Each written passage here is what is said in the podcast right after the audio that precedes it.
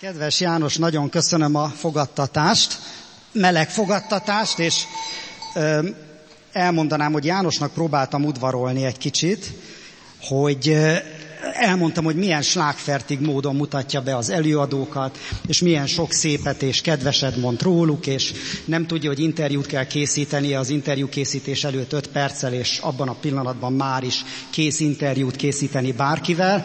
Azt reméltem, hogy egy kicsit érthetőbben fog bemutatni, de ő amellett döntött, hogy felolvassa azt, amit én írtam magamról, úgyhogy nem jött össze ez a, a kísérlet. Nagyon sok szeretettel köszöntök mindenkit, és duplán is zavarban vagyok. Egyrészt, mert nagyon, nagyon nem beszéltem még élőben, tévében. Remélem, hogy nem működik a közvetítés, ez az egyetlen reményem. Nem beszéltem a tanácsadásról, tanácskérésről, döntési helyzetekről soha még ennyi embernek élőben. Soha nem kezeltem még prezit, állítólag az el fog majd valamikor indulni, és állítólag ezzel tudom majd léptetni. Nem tudom, hogy sikerülni fog-e. Szeretném külön megköszönni a feleségemnek, aki jó, hogy én készültem az előadásra néhány hetet, de ő volt az, aki összerakta végül ebben az érthető formában a prezentációt, méghozzá prezi formátumban, amitől rögtön egy, ugye, nem tudom, sokkal profibbnak tűnik, bármit is mond az ember, hogy így lehet zoomolni ide-oda. És azért is zavarban vagyok, mert általában van nálam egy gong. És a gongot most otthon felejtettük, és helyette Iván Dánieltől kaptam egy kolompot, ami ugye remélem, hogy nem az volt ezzel a célja Dánielnek, hogy azt sugalja, hogy aki a Balaton netre jön, az mind birka. De ha még így is lenne, vigasztaljon az a tudat, hogy én vagyok a főkolompos, ezt majd fogom használni időnként. És az a helyzet, hogy én nagyon nem szeretek beszélni sem a tanácsadásról, sem a tanácskérésről, és megpróbáltam valahogy ezt megúszni. Lesz egy icipici tanácsadás, de inkább lesz több coaching, bármit is jelentsen ez a szó, és nagyon kevés tanácsadás. És ha már így belevágtunk a közepébe, vagy belevágnék a közepébe, még gyorsan elmondom, hogy kiváló előadásokat hallgathattok, és ezért is izgulok, mert hogy nagyszerű volt hallgatóink, tartanak mindenféle workshopokat. Tegnap már a spirituális coachingról beszélt Sima Gergő. Ma bent voltam Sósné Jekül Eszternek a nagyszerű előadásán, amit nagyon sok coaching elemmel fűszerezett, ami a házassági tányércsörgésről és egyebekről szólt, és arról, hogy a gyerekkorunk hogyan határozhatja meg később a párkapcsolatunkat. Bánki Lajos kollégám a Single Crossról tartott egy nagyszerű felvezetőt, a feleségem az időgazdálkodás, úgyhogy túl sok, tehát kezd ez, kicsit ez a coaching így kezd túlreprezentáltá válni a Balatonneten, úgyhogy még bírjátok ki 40 valahány percig, és utána elfelejthetitek ezt, a, ezt az egészet, vagy talán még holnap bemeltek a feleségem workshopjára. Eh, ha már itt vagyunk, akkor, és van ez a csodálatos prezi, és van ez a csodálatos kolom, arra gondoltam, hogy ezt ki is használjuk.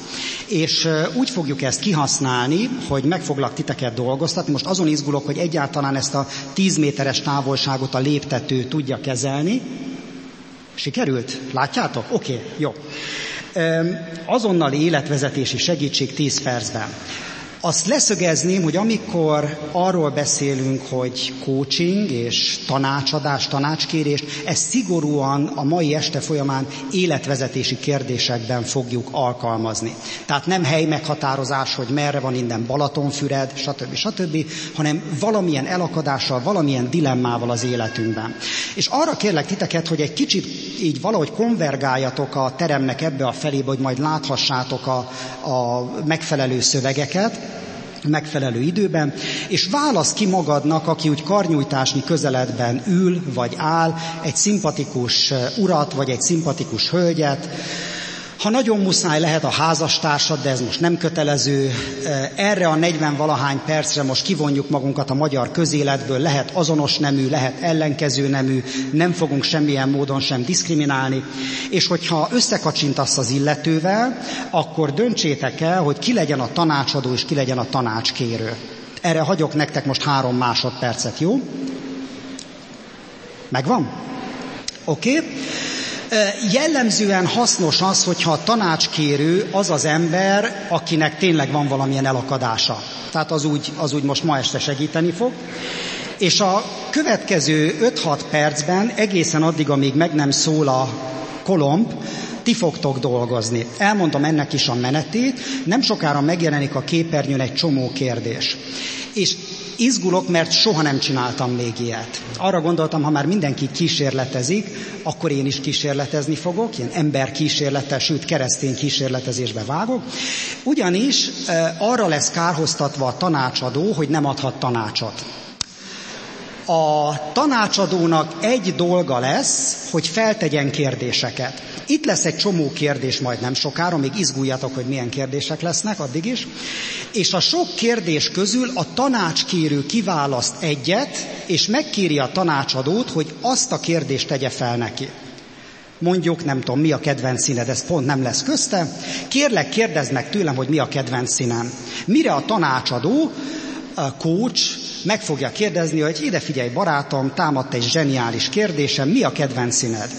és a tanácsadó, vagy bocsánat, igen, a válaszoló, tanácskérő válaszolhat erre. Majd utána a tanácskérő kiválaszt egy másik kérdést, és megkéri a tanácsadót, hogy tegye fel neki azt a kérdést. Tudom, hogy este van már, eddig még tudtok követni? Megvan? Oké. Okay. Ha valami nem stimmel, akkor gyertek ide, meg, kaptok mikrofon, megkérdezitek, és tovább folytatjuk a dolgot. Tehát készüljetek fel, mostantól kezdve van öt percetek arra, hogy tanácskérőként megmondjátok a tanácsadónak, hogy mit kérdezzen tőletek. Óra indul. Öt perc múlva bejelentkezem, de lehet, hogy csak négy.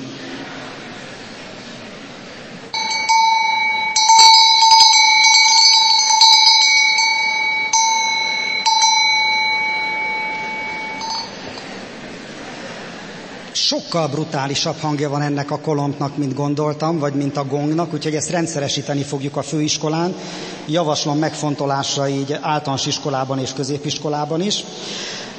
Egy percet még kérlek, hogy töltsetek azzal, hogy valamilyen társat cseréltek, egy picit, máshoz fordultak oda, és beszéltek meg egy percben, hogy mit tanultatok kócsként, tanácsadóként, kérdezőbiztosként, és mi az, amit tanultatok tanácskérőként az elmúlt négy-öt percben. Jó? Tehát egy percben valakivel plegykáljatok arról, hogy mit tanultatok lehet, maradhattok együtt, ha nincs senki karnyújtásni közelségben, akkor engedélyt adok rá. Igen.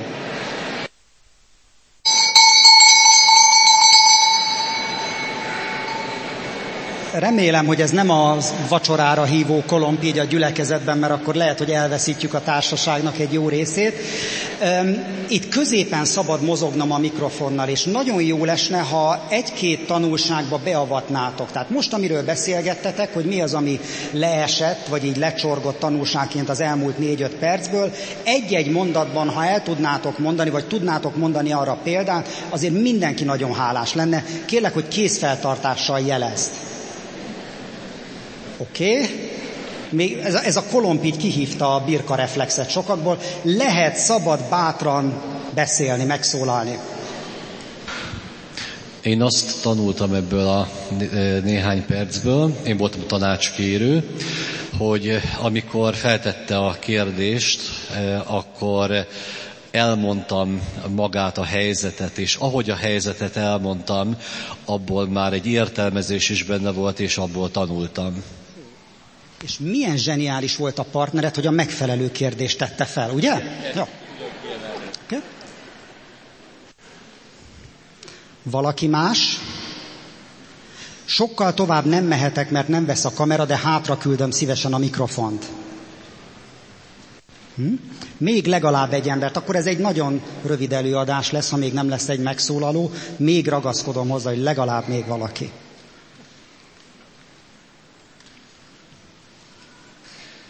Elforduljak, akkor könnyebb? Jó. Ah,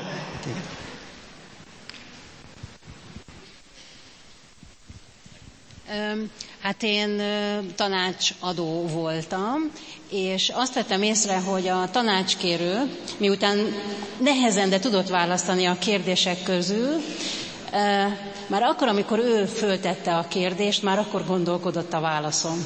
hogy mi az, amit, amit mondani fog, és nyilván ebben benne volt az, hogy könnyen vagy nehezen osztunk meg idegen emberrel bármit, de én azt gondolom, hogy amennyire az empátiát érezte, annyira jöttek a szavak. Nagyon szépen kösz- köszönöm szépen. Van-e még valaki utolsó esély? 800 emberből nagy számok törvénye alapján lesz még esetleg egy bátor ember. Szóljatok, ha láttok egy kezet, mert akkor... Ha nem, nem, akkor tovább megyünk. Tovább mehetünk? Oké, okay, jó. Kicsit sajnálom, hogy ez a, ö, hogy hívják, lekerült ide, mert van, lehetne ilyen jó szójátékokat ö, gyártani, hogy coach on the couch, meg mindenféle hasonlókat, de ez most kimarad. Egy pillanatra kikapcsolom a mikrofont, hogy ne gerjedjünk össze, és aztán már is visszakapcsolom.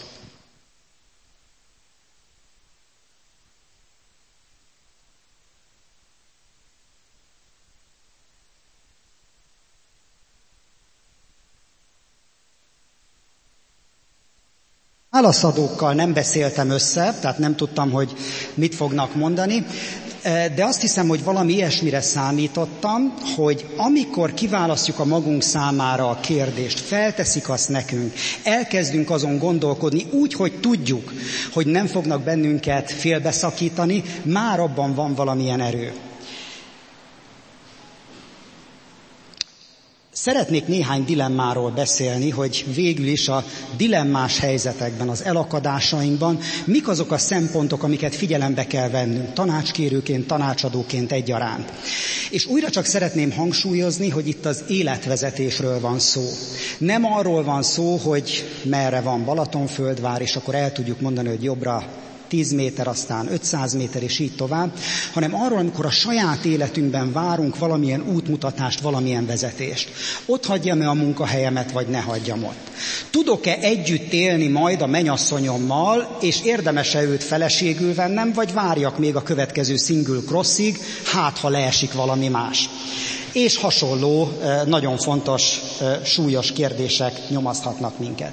Szeretném, ha egy pillanatra megnéznénk az igei alapokat, hogy miért is van az, hogy időnként a nem tanácsadás lehet a legjobb tanácsadói attitűd. És azt hiszem, hogy ha én választhattam volna a címet ennek a mostani előadásnak, akkor nem tanácsadás, tanácskérés, döntési helyzetek lett volna. Erre én biztosan nem ültem volna be ma este, úgyhogy nagyon-nagyon köszönöm, hogy ennek ellenére eljöttetek, hanem valami olyasmi, amire lehet, hogy ti nem jöttetek volna el, hogy hogyan lehet nem tanácsot adva segíteni az elakadásában a testvérünket.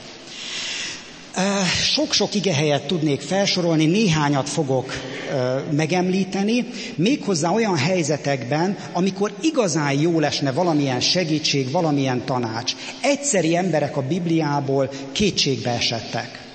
Jézus Krisztus nagyon sokszor úgy ad tanácsot, hogy kérdez. Ezt megismétlem még egyszer. Jézus Krisztus nagyon sokszor úgy ad tanácsot, hogy nem ad tanácsot, hanem kérdez. Megkérdezi az emberektől, hogy mit akarsz, hogy cselekedjen veled. Ugye, ha visszamegyünk a Bibliának a leges legelejére, az egyik első megnyilatkozása az emberekkel kapcsolatban Istennek az az, hogy Ádám hol vagy. És nem azért kérdezi ezt a Jóisten, mert ne tudná, hogy hol van Ádám. Ugye azért ebben megegyezhetünk, hogy ő minden tudó, és mindenható emellett is, és mindenütt jelen való. Azt szeretné, hogyha Ádám a saj, az ő kérdése, az Isten kérdése nyomán valamilyen olyan felismerésre jutna, aminek sokkal nagyobb az értéke, mint ha azt a Jóisten mondta volna meg neki. És ezt látjuk Jézus életében is, a, itt a Földön, hogy folyamatosan kérdésekkel traktálja az embereket. Megkérdezik tőle, hogy most mester, fizessünk-e adót, vagy ne fizessünk. És nem mondja azt, hogy de, vagy nem mondja azt, hogy igen, nem, hanem kinek a képe van azon az adófilléren, vagy adó eh, forinton, adópénzen. Más helyzetekben Jézus nagyon jól alkalmazná, amit a mai modern menedzsment tudománya befejezetlen történetek és a storytellingnek az erejeként említene. Jézusnak nem kellett ehhez külön ilyen menedzser iskolába járnia, meg a PTF-re, meg egyebekre. Ezt nagyon pontosan tudta, hogy hogy működik az embernek a lelke és az intellektusa. Elmond egy sztorit, és nem mondja meg a csattanót És azt hiszem, hogy az egyházban időnként küzdünk azzal, hogy mi meg akarjuk mondani az embereknek, hogy mit csináljanak. És a mi ige hirdetéseinknek egy jó része befejezett ige hirdetés. És azt mondjuk, hogy tedd ezt, és élni fogsz, tedd amaszt, és halni fogsz. Jézus pedig időnként annyira nem fejezi be a történetet, hogy még a tanítványok se értik. És oda mennek, hogy mester, mit is értettél ezen a sztorin? Hogy van ez? Ez egy hasonlat, ez egy metafora, mit kell nekem ebből elvinni? És eszembe jut egy másik történet Jézusról, amikor gyógyít, és azt olvasjuk, hogy miközben elmentek tőle a bélpoklosok, meggyógyultak az úton. Nagyon gyakran, amikor küzd bennünk egy tudásvágy, szeretném tudni, hogy ki lesz a párom, lesz-e egyáltalán párom. Szeretném tudni, hogy Isten elhíve teljes idő szolgálatra, vagy dicsőítésvezetőnek, vagy akárminek. Szeretném tudni, hogy eljöjjek-e a Balatonnetre, vagy ne jöjjek el a Balatonnetre. Nem úgy kapunk egy mennyei kijelentést, hogy leszáll az Úr Jézus a lelkipásztorunk formájában, és azt mondja, hogy már pedig, fiam, te pedig menj el a Balatonnetre, mert ott nagy áldásokban leszend részed, hanem dolgozik bennünk egy gondolat, dolgozik egy kérdés, menjek, ne menjek, és ahogy megyünk útközben, forog ez a szívünkben, és megjön a megvilágosodás, megjön a Szentléleknek a vezetése. Jobb könyvét, hogy nehéz könyveket is említsünk, ugye ezt nem szoktuk könnyű esti olvasmányként forgatni, tisztelet a kivételnek. Nagyon izgalmas számomra, hogy addig végzik jól a dolgukat a tanácsadók, amíg nem adnak tanácsot. Amíg együtt ülnek jobb mellett, az együttérzésüket kifejezik, eddig nem védkeznek. Abban a pillanatban, hogy elkezdenek mindenféle tanításokat mondani, egyik se érinti meg jobb szívét, és egyikre se tudja azt mondani, hogy tényleg ez a helyzet velem. Ellenben, amikor Isten feltűnik a színen, kérdezni kezdi Jobbot. Milyen érdekes, hogy mi emberek időnként vesszük magunknak a bátorságot, hogy megmondjuk a tutit, megadjuk a megfelelő tanácsot, miközben Isten nem veszi ezt a bátorságot magának, hanem kérdez. Megkérdezi, hogy Ádám hol vagy. Megkérdezi, hogy mit akarsz, hogy cselekedjen veled. És így tovább. A királyok első könyvében, a 19. fejezetben van a jól ismert történet Illés profétáról, aki ugye menekül, nagy bajban van, már meg akar halni, stb. elmegy imádkozni, és jönnek a különböző nagy földrengések, jönnek a nagy viharok, villámcsapások, stb. És azt olvasok ott az igében, hogy az egyikben sem volt ott Isten. És a legvégén, amikor elmúltak ezek az érzelmi, meg fizikai, meg egyéb viharok, jött egy szelíd hang, és a szelíd hang mit csinál? Kérdez. Nem meglepő, hogy amikor a legnagyobb gondjaink vannak, akkor Isten gyakran nem egy világos útmutatást tesz fel, hanem kérdez. Megkérdezi Jézus, hogy Simon Jónának fia, szeretsz te engem? Megkérdezi azt Illéstől, mit csinálsz itt Illés? És Jézus Krisztus az élete legvégén, földi élete legvégén, amikor a kereszten van, nem fél kérdezni. Ami benne van, azt elmondja az atyának. Éli, lama sabaktáni, miért hagytál el engem Istenem?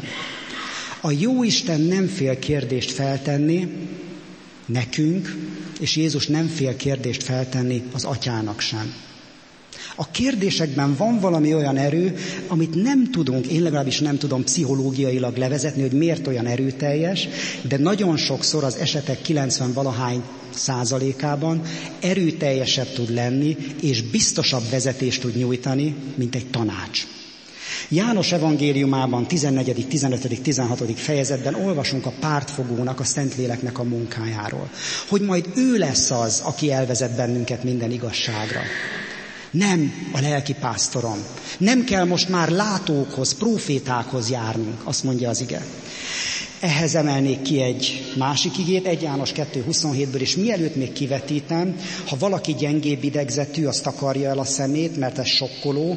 Azért is sokkoló ez az ige, mert nagyon gyakran rosszul használják, általában gyülekezeti konfliktusban. Ezt az igét arra szokták használni, hogy mindenki a saját igazát bizonyítsa. Itt most nem ebben a kontextusban van erről szó, hanem az életvezetési tanácsadás kontextusában. Bennetek megmarad a megkenetés olaja, amelyet tőle kaptatok, ezért nincs szükségetek arra, hogy valaki tanítson titeket. hanem amint a megkenetés olaja, amely igaz és nem hazugság, megtanít titeket mindenre, és amint meg is tanított titeket, úgy maradjatok meg ő benne. Nagyon gyakran azt hallom, amikor a coaching felkerül így a radarra, mint egy ilyen módszertan, azoktól, akik nem tudják, hogy mit jelent, hogy nekem nem mondja meg senki, hogy mit csináljak. Honnan tudnád te az én helyzetemben, hogy mit kell tenni? És a coachingban nem is mondjuk meg a másik embernek, hogy mit csináljon, hanem pláne a keresztény szemléletű coachingban nagyon bízunk a Szentléleknek a segítségében. És abban bízunk, hogy a Szentlélek képes kinyilatkoztatást adni a tanácskérőnek. A coaching egy nagyon gyengéd módszer, és alapjában eltér a klasszikus profétai szolgálattól, amikor én oda megyek hozzád, és megmondom, hogy mit kell tenned. A coachingban inkább ezt, vagy én ezt úgy szeretem megfogalmazni, hogy olyan ez, mint a csatornatisztítás. Egy kicsit tré munka, de valakinek ezt is meg kell csinálni. A csatornatisztítás arról szól, hogy van az illető, aki tanácsot kér, valamilyen elakadásban van, problémában van, menjek-e a Balatonnetre vagy sem, menjek-e hozzá a Jancsihoz vagy sem. És kócsként azon dolgozunk, hogy a közötte és a Szentlélek között levő csatorna az kitisztuljon. És ehhez bizony sok kérdésre van szükség. És nagyon bízunk abban, hogy mindenki itt ezen a földön, aki Isten gyermeke, van egy forró vonala Istenhez. Csak meg kell tanulnia rendesen tárcsáznia. Meg kell tanulnia a kiszűrni a különböző zajokat, beállítani a megfelelő hanghullámra, hangsávra, és onnantól kezdve megvilágosodik, szól hozzá az Úr, és a dicsőség az az Úré lesz, nem pedig a nagyszerű tanácsadóé. És azt hiszem, hogy hogy a János evangéliumában, még egy picit, bocsánat, visszafűzve 14., 15., 16. részben, a Szentlélek úgy jelenik itt meg, mint szakértő. És az a csodálatos a szakértőségében a Szentléleknek, hogy minden embernek tud a szakértője lenni, nem csak az enyémnek, hanem neked és neked, és így tovább. Úgyhogy benne is ott van. És néhány, a dilemmával kapcsolatban még néhány dologra hadd hívjam fel a figyelmet. Mi az, amit nem akarunk, mi az, amit nem szeretnénk. Nagyon gyakran megkísérthet minket a gondolat tanácsadóként, vagy az érzés, hogy én szeretek tanácsot adni, szeretem megmondani az embereknek, hogy mit csináljanak, mert én kívülről sokkal jobban látom. És akkor én aztán, ha rám lenne bízva az egész világnak a vezetése, biztos még a jó Istennél is jobb munkát tudnék csinálni. Vannak azt hiszem néha ilyen keresztény testvérek is a köreinkben. Ez gyakran abból fakadhat, hogy mi szeretnénk magunkat fontosnak érezni. Hiszen én adtam azt a brilliáns tanácsot, hogy menjen feleségül a Jancsikához, lám milyen boldog életük van, született is már öt gyerek, és akkor meg tudjuk veregetni a vállunkat. Én mondtam a Pistikének, hogy menjen el a Balatonnetre, ahol lám mekkora áldások érték őt. Tehát időnként, tanácsadóként szeretjük magunkat fontosnak érezni. Kíváncsi lennék a tanácsadók érzéseire, most amikor volt az előző kis gyakorlat. Lehet, hogy néhány ponton fölöslegesnek is érezted magad, és jobb, hogyha ehhez az érzéshez hozzászoksz. Tehát nem kell feltétlenül fontosnak érezned magad, elég az, hogyha a Szentléleknek teret adsz. A PTF-en egyébként nagyjából egy évet töltünk azzal, hogy leneveljük erről a fajta önzésről a hallgatókat, hogy ne azt élvezzék, ne azt élvezzük, mondhatom a magam nevében is, hogy milyen jól megmondtam a tutit, és aztán össze is zokogta magát itt előttem, és látszik, hogy az Úr dolgozik benne, hanem hogyan tud a tanácsadó a háttérbe húzódni, és engedni, hogy a tanácsadó az a Szentlélek legyen. Vannak önbeteljesítő sors szindrómák, elnézést a bonyolult kifejezésekért, ez azzal járhat, hogyha valakinek az a séma, az a film forog a fejében, hogy én mindig áldozat vagyok, tanácsadóként is belekormányozhatja magát az áldozat szerepébe. Lám, én mindenkinek megmondtam, hogy mit kéne csinálnia, egyik se fogadta meg a tanácsot, vérük a fejükön, én tiszta vagyok. És akkor ez úgy kellemesen deprimálja az embert. A másik lehetőség mondjuk, hogyha megmentőként funkcionálok, mondjuk a gyerekkoromból hozok egy olyan mintát, hogy én nem tudom, nagy tragédiák voltak a családban, ezért bennem, belém van kódolva, hogy mindenkit meg kell mentenem, és kényszeresen mindenkit meg akarok menteni, aki a környezetemben egy pici dilemmával is küzd, és én akarok lenni az, aki kihúzza őt a gödörből, mert bennem van ösztönösen. Azáltal, hogy ez bennem van ösztönösen, a másik ember nem biztos, hogy épül. Előfordulhat, hogy lelkipásztorként, vagy gyülekezeti szolgálóként, cégvezetőként bennünk van egyfajta külső nyomás, hogy nekünk mindent tudni kell.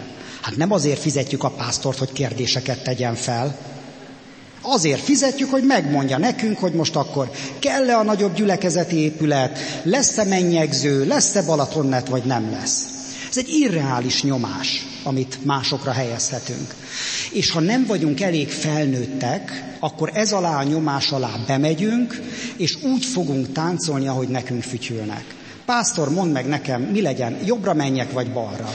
És akkor ott vagyunk, ott vagyunk, kényszeresen izzadunk, és nem merjük azt mondani, hogy te melyik megoldással lennél elégedett?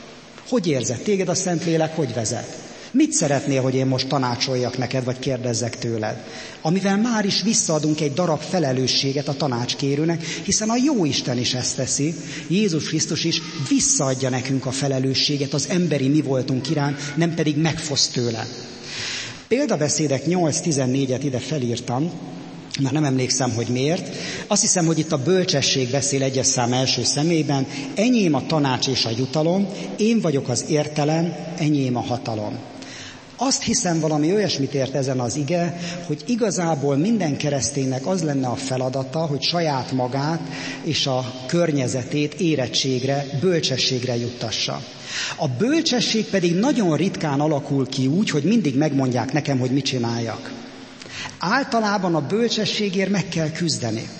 Ugye szokták mondani ezt a metamorfózisos hasonlatot a lepkével és a hernyóval, amelyiknek küzdenie kell, hogy megerősödjenek a szárnyai, és aztán ki tudjon repülni a báformából. Mert hogyha mi segítünk annak a jövőbeli pillangónak, és felnyitjuk a bábot, van egy biológus ismerősöm, ezzel kísérletezett egyetemi évei alatt, akkor kijön a pillangó, de mivel nem erősödtek meg a szárnyai, csak szaladgálni fog a földön.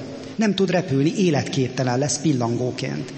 És gyakran azt hiszem, hogy lerövidítjük az utat, csupán jó szándékból, és nagyon sok ilyen kis hernyó, pillangó szaladgál közöttünk, egyik profétától a másikig, egyik ige hirdetőtől a másikig, mert nem tanulta meg megerősíteni az ő lelki szellemi izmait, hogy meg, meghallja a választ Istentől a saját helyzeteire.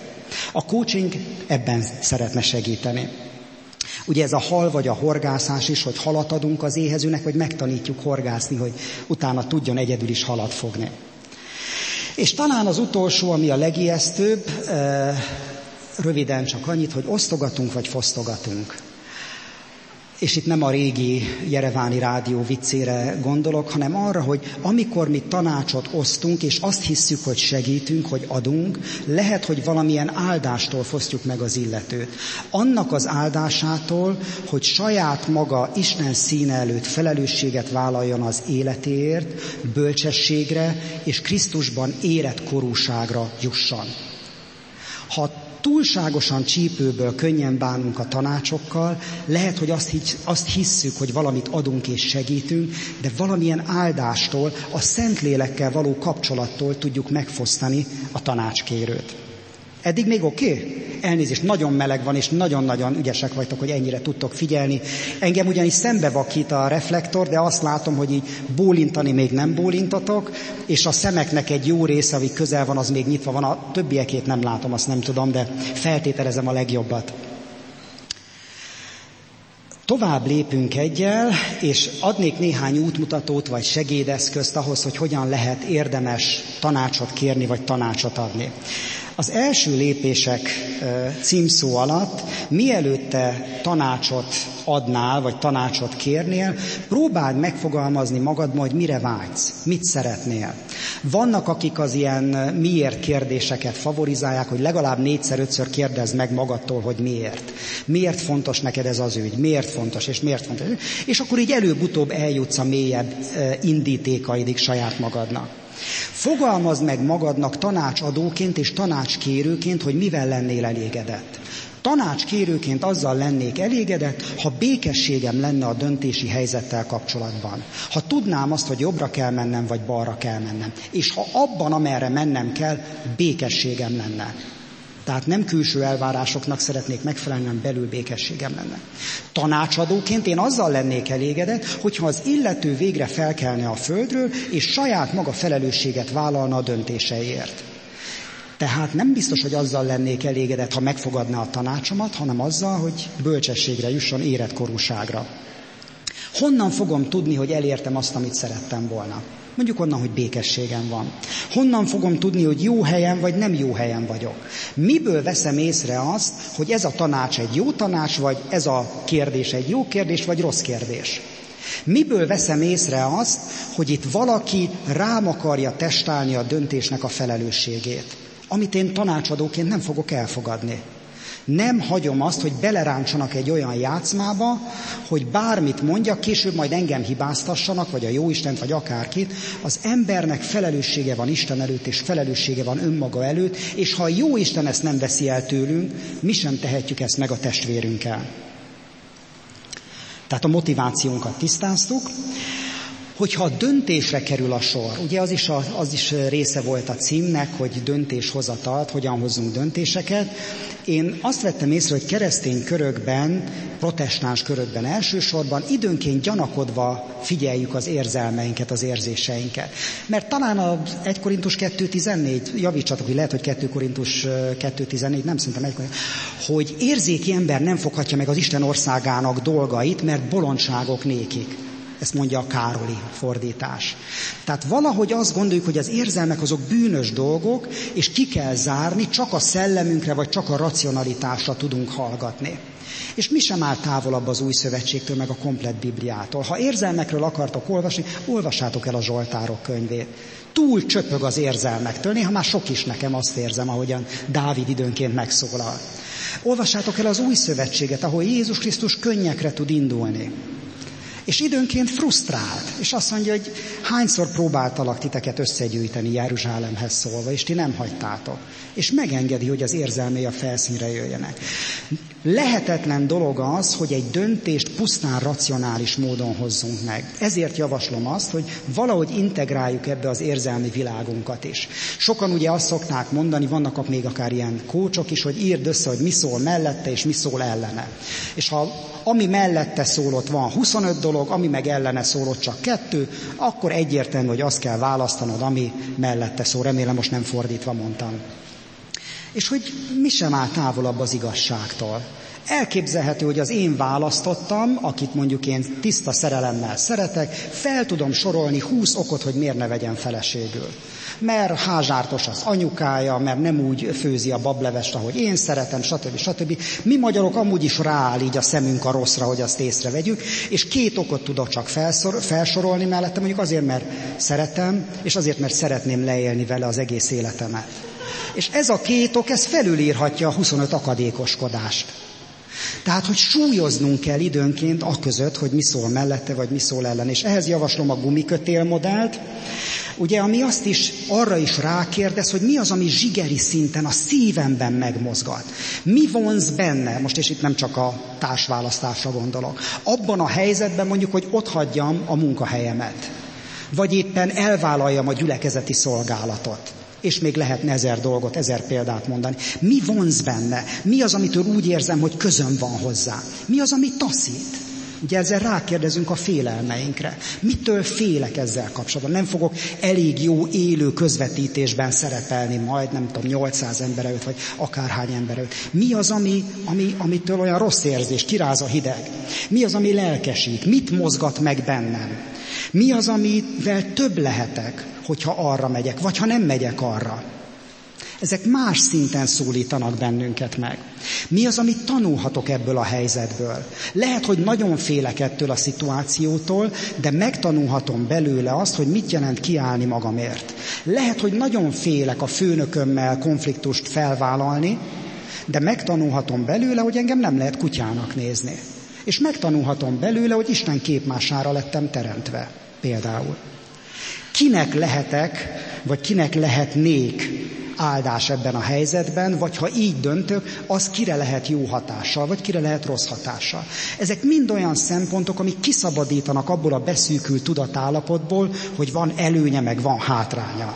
Vagy hogy elnézést, hogy így fogalmazom, kereszt, fogalmazok keresztény körökben, annak a beszűkült tudatállapotából, hogy akarja-e az Isten, vagy nem akarja az Isten. Ne tudjátok meg, hány olyan tanácskérővel dolgoztam együtt, akik ebbe belecsömörlöttek hogy jaj, most akarja az Úr, hogy elmenjek a Balatonnetre, vagy nem akarja. És nézzük meg, mi az, ami vonz benne, mi az, ami taszít, mit tanulhatok ebből. Kitágítja a perspektívát. Most az Úr Jézus is ilyen kérdéseket szeret feltenni a körülötte levőknek, hogy hello, mit szeretné, hogy cselekedjen veled? Nem csak az, hogy szerinted mi az én akaratom. Jézus soha nem tette fel ezt a kérdést. Isten akarata-e az? Időnként a farizeusoknak feltette, ezt elismerem, de általában ott nem direkt tanítási célja volt a farizeusoknak, sokkal inkább a környezetének. Eddig oké okay, még? Mehetünk tovább? Oké. Okay. Holnap 12 és fél kettő között a hajnalkának a workshopján sokkal többet tudtok még erről hallani. Van egy Philip Zimbardo nevű pszichológia professzor, aki hallott már a Stanfordi börtönkísérletekről, tudja, hogy kiről van szó. Magyarországra is sokat jár, a Hősök tere programot ő indította el, és nagyon sok mindenről, nagyon sokfélét írt és tíz éve körülbelül megjelent egy könyv az időparadoxonról, és azt gondolom, hogy ez nagyon hasznos lehet nekünk hívőknek is. Méghozzá azért, mert a Biblia is beszél erről. Az ő felvetése szerint vannak közöttünk olyanok, akik mindannyian valamilyen időperspektívában szeretünk inkább élni. Mit értek ezen? Például azt, hogy van, akit a tradíciók vezetnek, hogy mindig is így csináltuk, ettől nem szabad eltérni, tehát inkább a múltban élnek. Ez időnként elvezethet a sérelmi politizáláshoz is, személyközi kapcsolatokban, hogy bezzeg te hat és fél évvel ezelőtt, amikor ezt főztem, te a fejemhez vágtad a leveses tálat, és tehát nagyon a múlt sérelmeiben, abból szerzik az energiát az élethez, nem egy túl pozitív dolog. Vannak olyanok, akik annyira a jelenben élnek, hogy mindenről megfeledkeznek, ez a carpe diem, ugye ez szakítsuk le minden pillanatnak a gyümölcsét, együnk, ígyunk, holnap meghalunk. Ugye ez a fajta hozzáállás, amelyik nem törődik se a múlttal, se a jövővel. Ez is káros lehet. És van, aki meg csak a jövőben él, és állandóan terveket gyárt, és azt nézi, hogy majd, ha ő valamit csinál, annak kire milyen hatása lesz, milyen következménye lesz, és nagyon szeret álmodozni, légvárakat és egyéb várakat építeni, mert majd egyszer a jövőben ott lesz, és az milyen klassz lesz. Jézus hozzájuk is szól, és azt mondja, hogy oké, okay, megépítetted a csűrödet, mindent elterveztél, amit akarnál, most van vége az életednek, eddig nem éltél. Hova dolgoztál, minek gyűjtöttél? Ugye most elmondtam, hogy mindegyik időperspektív az borzasztó, és a Biblia is azt mondja, hogy mindegyik időperspektíva borzasztó, ha elsősorban csak és, vagy csak és kizárólag abban élsz. Arra hív bennünket Isten, hogy egyfajta egyensúlyt teremtsünk, és ez visszahat a döntéseinkre, azért hoztam ezt be.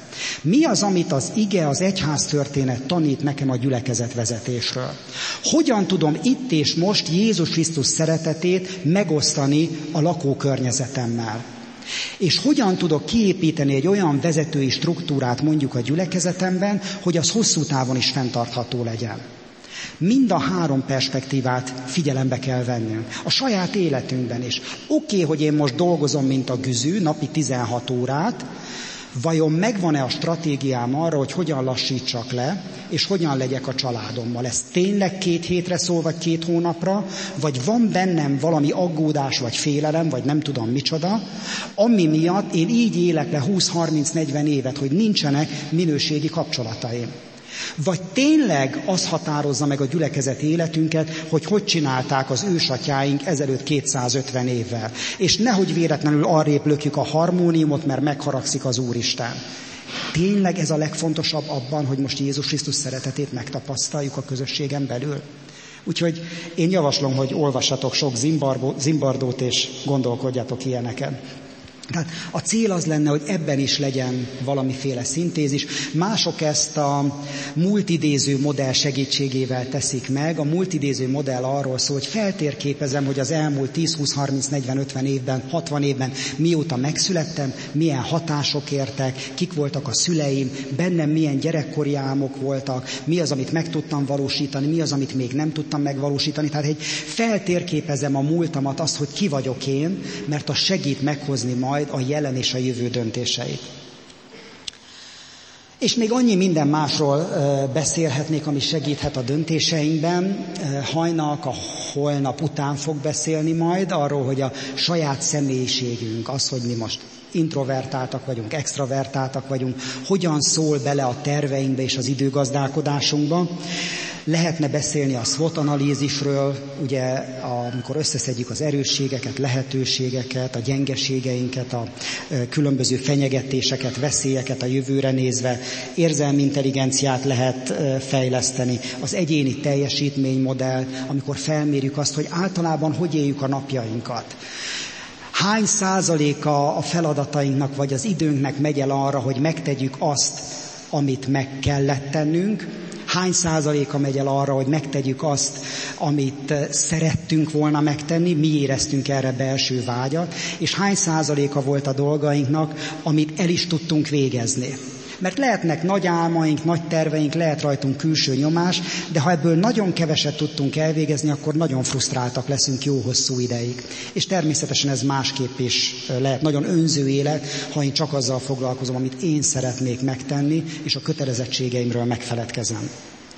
Beszélhetnénk az ideális jövőről, ezt a gyülekezet plántáló mozgalomban 20 évvel ezelőtt úgy hívták, hogy a Z gondolkodásmód, vagyis úgy kezdték el a gyülekezet plántálók, sőt ez már lehet, hogy 30 éve volt, úgy kezdték el feltérképezni a világot, hogy mivel lenne vajon Isten elégedett, hány és milyen minőségű gyülekezet lenne a világon. Hány és milyen minőségű gyülekezet legyen Magyarországon.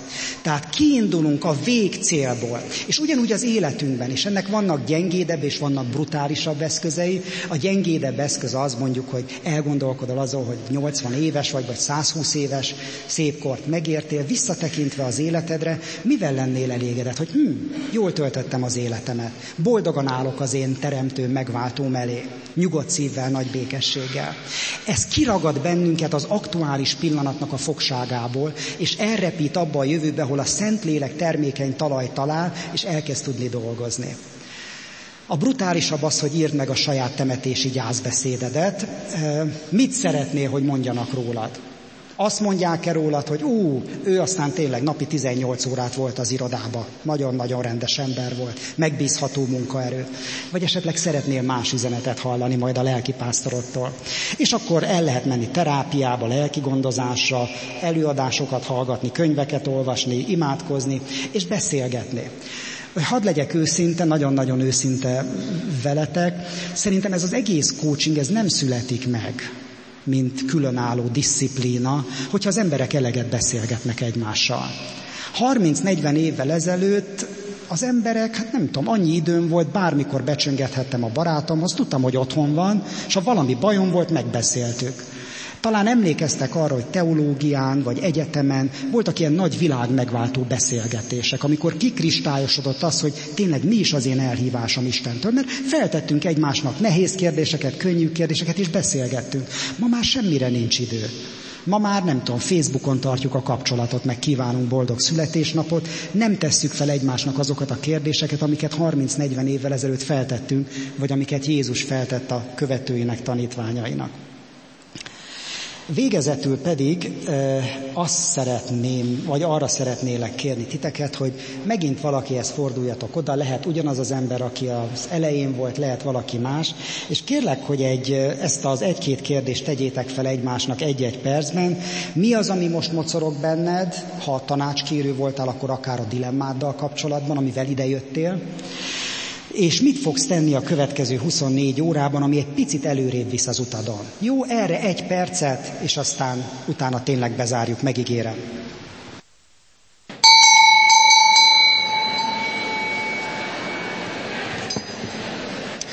Elnézést, majd még este folytathatjátok a világ megváltó beszélgetéseket sokáig. Sajnos a közvetítés miatt tartanunk kell az időt, úgyhogy bocsánat. Fényképezzétek le, jegyezzétek meg ezeket a kérdéseket, vagy bármilyen kérdést, amit hasznosnak éreztek. És én szeretném megköszönni most azt hiszem, hogy az eddigi figyelmeteket. Köszönöm azt, hogy én is tanulhattam. Tanulhattam azt, hogy milyen reflektorfényben izzadni, megpróbálni koncentrálni a tévéközvetítésre, odafigyelni rátok, úgyhogy nem látom a szemeteket. Tanulhattam azt, hogy 800 emberből azért mindig van egy-két bátor, aki, aki elmondja, ami a szívén van és ami éppen foglalkoztatja. Úgyhogy ezt nagyon köszönöm nektek. Ha kulcsképzéssel, PTF-fel, egyebekkel kapcsolatban van kérdésetek, bátran írjatok. Ha szeretnétek azt, hogy dedikáljak nektek valami szépet valamilyen könyvbe, aminek nagy valószínűséggel én voltam a szerzője, akkor megtaláltok az alkalom után majd tőlem rendezői, rendezői jobbra, ne vagy balra, mindegy. Tehát így így pedig balra, ott annál a kis asztalkánál, és tényleg nagyon hálás vagyok nektek, hogy kísérletezhetünk, és megengedtétek, hogy kísérletezünk egymással. Szervusz!